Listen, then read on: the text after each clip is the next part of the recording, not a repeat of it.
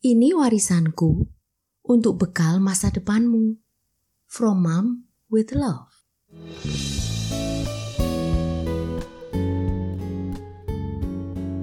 Ma, untung mama lima bersaudara.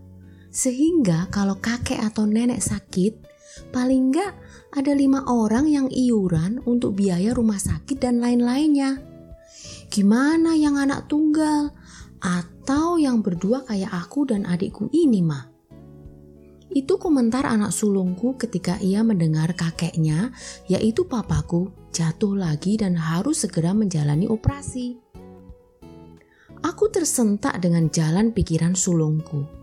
Aku gak bisa bayangkan kalau mereka harus mengalami hal yang sama seperti ini. Itu percakapan kira-kira tiga atau empat tahun lalu. Waktu itu seolah si sulung sudah membayangkan bakal mengalami hal yang sama. Hmm. Oh ya. Halo semuanya, selamat datang di podcastku. Namaku Marta, seorang ibu rumah tangga dengan dua orang putri yang menginjak dewasa. Kali ini aku akan sharing pengalaman pribadiku yang kuberi judul Mungkin Gak Sih Memutus Rantai Generasi Sandwich? Aku sekarang memang masih berada dalam rantai generasi sandwich.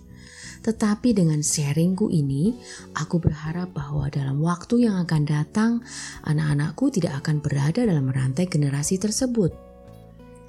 Eh, ngomong-ngomong, sebenarnya kamu tahu kan generasi sandwich itu apa? Jadi, istilah generasi sandwich itu sebenarnya tak jauh maknanya dari roti sandwich yang berisikan irisan daging, sayuran, keju, dan saus, lalu diapit dengan roti di kedua sisinya. Nah, generasi sandwich ya kayak begitu itu. Kami yang berada dalam posisi ini ya benar-benar terjepit secara finansial di antara dua generasi yaitu generasi di atas kami, yakni orang tua, termasuk mertua, dan generasi di bawah kami, yakni anak atau bahkan terkadang juga cucu. Jadi, secara finansial, kami harus menghidupi kedua generasi tersebut. Terkadang, karena terlalu memikirkan generasi atas dan bawah, kami sampai-sampai tidak memikirkan diri kami sendiri dan masa tua kami nanti. Rumit, kan? Siapa yang berada di posisi ini? Ya, kami ini yang berusia antara 40 sampai 60 tahun. Ironisnya, kadang kami yang berada di posisi ini tidak menyadarinya. Karena kami menganggap hal ini memang wajar. Tapi, benarkah hal itu wajar? Dan bahkan anak-anak kami nanti juga akan berada dalam rantai yang sama. Seperti menunggu giliran saja. Aku pun sekarang berada dalam posisi ini.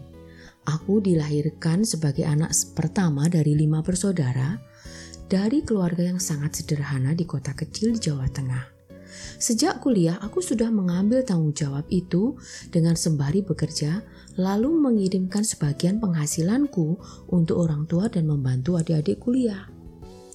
Setelah menikah dan punya anak, barulah hal ini semakin terasa aku harus tetap mensupport orang tua, tetapi juga harus memikirkan masa depan anak-anakku, pendidikan mereka, kesehatan mereka, kebutuhan-kebutuhan lainnya, sampai-sampai rasanya tidak ada dana lagi untuk memikirkan kesenangan pribadiku.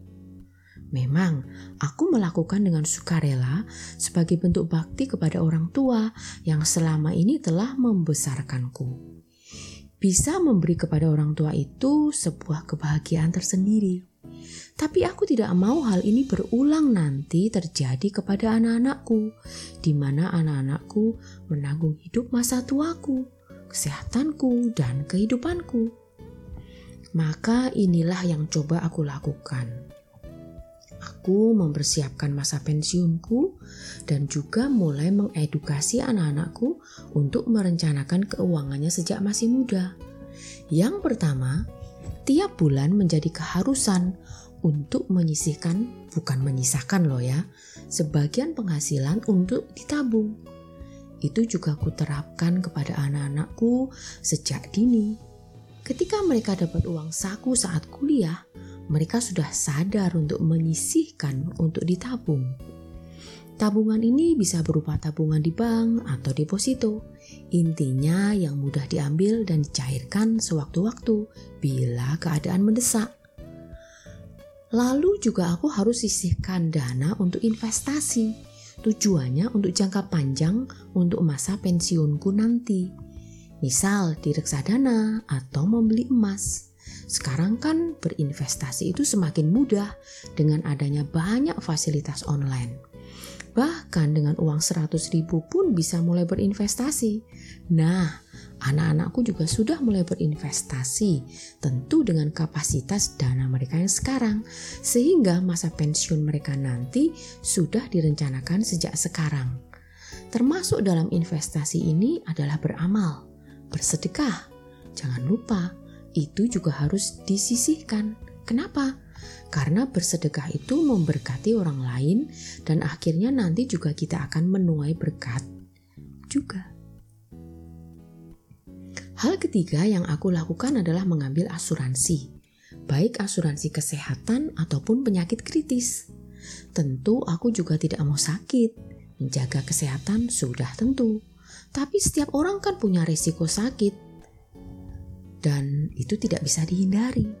Nah, aku tidak mau kalau aku sakit nanti anak-anak akan menanggung biaya kesehatanku. Kasian kan? Maka aku mau membeli polis asuransi.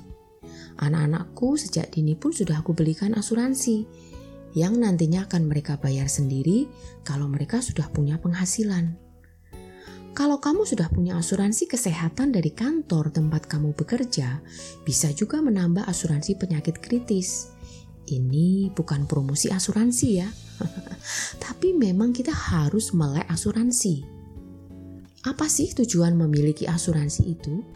Ya, untuk melindungi tabunganmu dan investasimu agar tidak perlu diambil untuk membiayai sakit. Bayangkan saja, orang sakit kritis seperti kanker, jantung, atau penyakit autoimun, biayanya wah bakal menguras tabungan deh. Makanya mending memiliki asuransi. Nah, itu sih tiga hal yang aku terapkan kepada diriku dan anak-anakku agar di tahun mendatang rantai generasi sandwich itu terputus dan anak-anakku tidak terjebak dalam rantai yang sama. Setidaknya dengan persiapanku ini, saat tua nanti aku tidak harus disupport oleh anak-anak dan mereka bisa memikirkan masa depan keluarga mereka sendiri. Ya, paling enggak itulah harapanku. Jadi kesimpulannya, kamu bisa banget menjadi bagian untuk memutus rantai generasi sandwich. Oke, sekian sharingku. Semoga berguna dan sampai ketemu di lain kisah ya.